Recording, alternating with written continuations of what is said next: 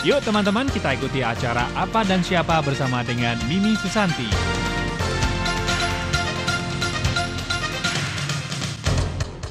Gembira sekali kita kembali berkumpul di acara Apa dan Siapa. Teman-teman pendengar, dalam acara di hari ini Mimi memperkenalkan Dewa Penyair Lipai. Ia bersama temannya Tofu adalah dua penyair yang paling hebat yang tercatat dalam sejarah sastra Tiongkok. Lipai, pujangga termasyur Tiongkok dari dinasti Tang ia juga sering kali disebut sebagai Lipo atau Taipai, salah satu pujangga jenius paling terkenal di masa kejayaan dinasti Tang di bidang seni dan budaya, yaitu pada masa Kaisar Tang Xuanzong. Ia menulis lebih dari seribu puisi dalam hidupnya, maka ia mendapat gelar Dewa Puisi.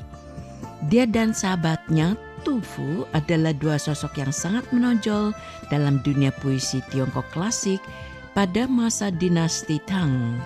Istilah tiga keajaiban Tiongkok sering dikaitkan dengan puisi Li Pai, permainan pedang Pei Min, dan kaligrafi Chang Xu.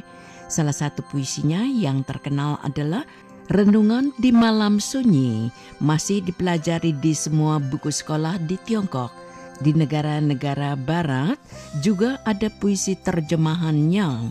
Kehidupan Lipai menjadi aspek yang menarik untuk diperhatikan, yakni cerita-ceritanya saat ia mabuk, kebangsawanan dan dongeng terkenal tentang Lipai yang tenggelam dari perahunya saat berusaha meraih pantulan bayangan bulan di permukaan sungai. Kebanyakan kisah hidup Lipai digambarkan dalam puisinya. Tempat-tempat yang ia kunjungi, teman-teman yang ia temui dari tempat jauh dan belum tentu akan ia temui lagi nantinya. Imajinasinya yang luar biasa dan penuh kekuatan magis. Berita tentang kejadian saat itu yang diterimanya, deskripsi alam dan lain sebagainya, semua menakjubkan. Dalam salah satu biografinya diceritakan bahwa saat ibunya mengandung Lipai, ibunya bermimpi melihat sebuah bintang dengan sinar putih sangat terang jatuh dari langit. Kejadian ini membuatnya dianggap sebagai salah satu dewa yang diasingkan dari surga ke bumi, sehingga ia mendapatkan nama julukannya sejak kecil Taipai atau yang berarti bintang Venus. Lipai juga dikenal memiliki beberapa nama pena lainnya seperti Qing Lian Ju Shi yang berarti penjaga teratai biru langit. Selain itu juga ada nama lain seperti Dewa Puisi Shi Xian atau Dewa Arak dalam pengasingannya.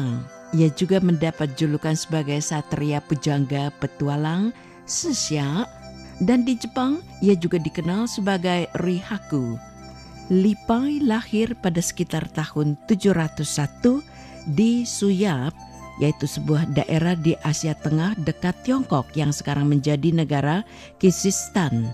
Namun keluarganya pindah ke Tenggara Kansu, salah satu provinsi di Tiongkok, dan Jiangyu dekat Chengdu di provinsi Sichuan saat ia berusia lima tahun. Pada saat ia masih anak-anak, ia sangat malas belajar. Namun suatu hari ia mengalami sebuah pertemuan yang mengubah jalan hidupnya. Dalam suatu perjalanan, ia bertemu dengan seorang nenek tua yang sedang mengasah batang besi untuk membuatnya menjadi jarum sulam. Lipai bertanya kenapa nenek itu melakukannya. Nenek menjawab bahwa cepat atau lambat batang besi itu akan berubah menjadi jarum sulam yang diinginkannya kalau ia tetap tekun mengasahnya. Sejak saat itulah Lipai tergugah hatinya oleh nenek itu dan bertekad untuk tekun dalam belajar.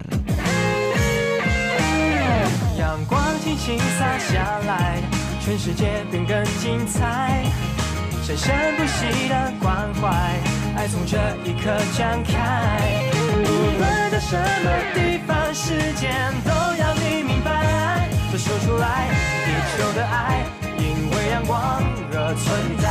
就说出来，地球的爱，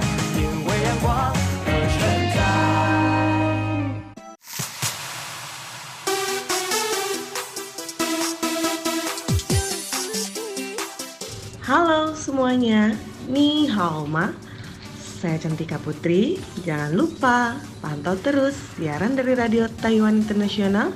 Salam selalu dari Cantika Putri. Terima kasih.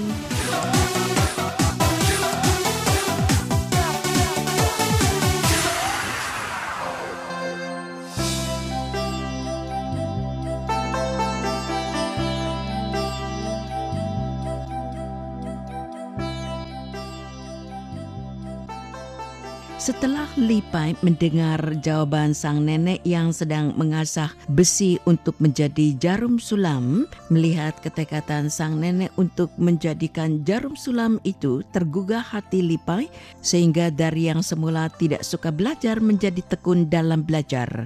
Li Pai membaca karya-karya klasik Confucius seperti kitab puisi klasik, Sijing, dan kitab sejarah klasik, Sucing, dan banyak bacaan tentang astrologi serta metafisika yang dipelajari oleh sarjana Confucian. Ia juga senang melakukan aktivitas lain seperti menjinakkan burung liar dan permainan pedang. Bahkan ia juga menjadi salah satu ahli ilmu perang. Dalam autobiografinya, ia menulis tentang kehidupan bebas di masa mudanya di Sichuan maka sebelum ia berusia 20 tahun, ia sudah pernah bertempur dan membunuh beberapa orang dalam pertempurannya. Di tahun 720 Masehi, ia diwawancarai oleh gubernur Suting yang memujinya sebagai seorang jenius. Walaupun ia mengutarakan harapannya untuk menjadi pejabat, ia tidak pernah mengambil ujian administratif selama hidupnya. Pada usia 20-an di tahun 725, Lipai meninggalkan Sichuan dan berlayar sepanjang sungai Yangtze, Danau Tungting ke Nanjing. Ia melewati Yunmeng, sekarang Hubei, dan menikah dalam waktu tidak lama dengan cucu Perdana Menteri Kekaisaran yang baru saja pensiun bernama Xu Yuxi.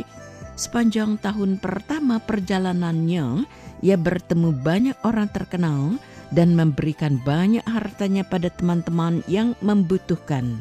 Pada tahun 730, ia singgah di pegunungan Chongnan dekat Chang'an, sekarang Provinsi Xi'an, dan ia mencoba mendapatkan jabatan namun gagal. Ia berlayar lagi sepanjang Sungai Kuning, berhenti di Luoyang, dan mengunjungi Taiyuan sebelum pulang dan pada tahun 740 ia pindah ke Provinsi Santung. Di sana ia menjadi anggota sebuah klub yang dikenal sebagai Enam Pemikir Rumpun Bambu, sebuah kelompok santai yang mendedikasikan hidup mereka pada sastra dan arak. Lalu ia berpetualangan di daerah Zhejiang dan Jiangsu berteman dengan seorang pendeta Tao yang terkenal bernama Wu Yun dan pada tahun 742, Uyun diundang oleh kaisar yang memuji kehebatan Lipai. Lipai mendapatkan kehormatan dan pengaruh luar biasa dari kaisar dan lingkungannya di sana. Bahkan ia diangkat menjadi seorang penerjemah karena kemampuannya dalam setidaknya satu bahasa asing.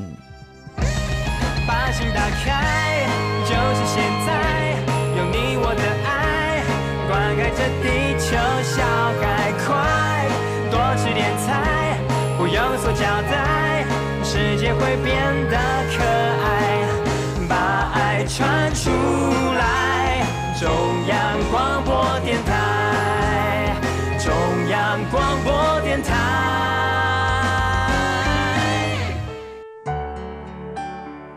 Halo semua, saya Reka Jalus. Jangan lupa pantau terus Jalus Band di RTI Radio Taiwan Internasional. Aku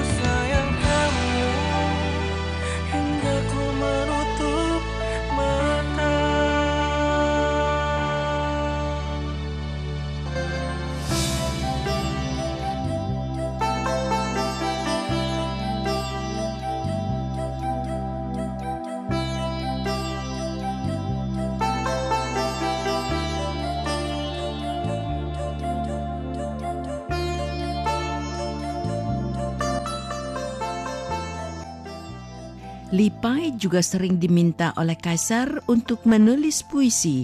Seringkali ia diundang ke istana dalam keadaan mabuk cukup berat. Namun dalam keadaan mabuknya itulah ia menciptakan puisi yang luar biasa indah. Ia membuat beberapa puisi tentang kecantikan selir favorit sang kaisar Yang Kuifei, wanita cantik yang juga amat terkenal itu. Lipai sempat meminta Kasim Istana Kau Lisi untuk melepaskan sepatu bootnya di depan kaisar. Si Kasim yang tersinggung menghasut selir untuk tidak menyukai Lipai. Akhirnya kaisar dengan berat hati menghadiahi Lipai dengan banyak hadiah emas perak sambil memintanya keluar dari istana. Sejak saat itu Lipai memutuskan untuk menjadi seorang tawis dan tinggal di Santung banyak bepergian dan menulis banyak puisi. Setelahnya terjadi pergolakan politik yang melibatkan dirinya. Lipai kembali ke Jiangxi walaupun ia tidak menghentikan pengembaraannya. Pada tahun 762, paman Lipai bernama Li Yangping menjadi hakim di Tangtu dan Lipai tinggal bersamanya. Kaisar yang baru Taichung mengangkatnya menjadi staf kearsipan di kantor pemerintahan. Namun saat Lipai didatangi untuk serah terima jabatan, ia sudah wafat. Menurut beberapa sumber, Lipai diketahui tenggelam setelah jatuh dari perahunya karena mencoba menyentuh bayangan bulan di sungai Yangtze. Ada kemungkinan lain yang lebih meyakinkan kalau ia wafat karena kesehatannya yang memburuk disebabkan oleh gaya hidupnya yang kurang sehat.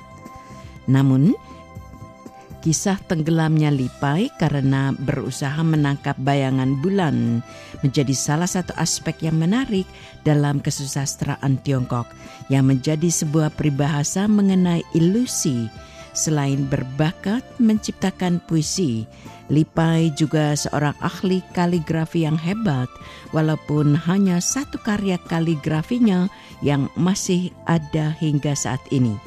Kaligrafi tersebut berjudul Menaiki Teras Matahari. Sebuah naskah panjang berukuran 38 kali 28 cm dengan tambahan catatan kaki yang ditulis oleh Kaisar Huizhong dari dinasti Sung dan Kaisar Qianlong dari dinasti Qing. Kaligrafi tersebut kini disimpan di Museum Kekaisaran di Beijing. Li Pai hidup pada masa yang paling makmur dalam zaman dinasti Tang dan menumpukan segala tenaganya untuk merealisasikan cita-citanya yang mulia bagi memajukan negara. Karya-karyanya bukan saja mencerminkan ekonomi yang makmur ketika itu, tetapi juga mendedahkan kekotoran politik yang wujud dalam golongan pemerintah. Lipai berani membuat sindiran yang tajam terhadap golongan elit dan berjuang melepaskan diri daripada belenggu apa yang disebut kesantunan masyarakat. Beliau giat mengejar kebebasan dan sama sekali tidak berganjak pada usaha yang gigih bagi merealisasikan cita-citanya. Jika dilihat dari segi kesenian, karya-karya Lipai penuh dengan hayalan yang segar dan mengejutkan, penuh dengan emosi yang meluap-luap dan gambaran-gambaran yang ditunjukkannya indah lagi megah. Beliau pandai memilih kata-kata singkat tepat sehingga membentukkan gayanya tersendiri yang terbuka hati.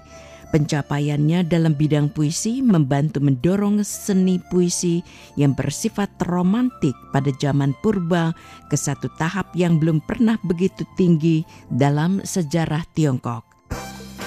Halo, saya Afgan. Pantau terus siaran radio Taiwan Internasional.